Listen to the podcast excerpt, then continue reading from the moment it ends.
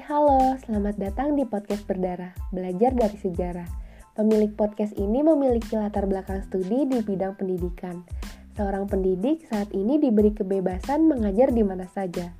Dengan adanya kemajuan teknologi yang terus berkembang, podcast sebagai media pembelajaran di kala dunia yang terus berubah.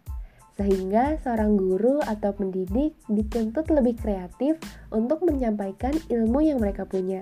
Bagi seorang pendidik, khususnya dalam bidang pendidikan sejarah, bertujuan untuk mentransfer ilmu pengetahuan berikut dengan value atau nilai-nilai baik yang terkandung dalam pembelajaran, sehingga setiap pembelajaran memiliki makna dan arah tujuan. Saya Roro Ayu, nantikan sharing kami di episode selanjutnya.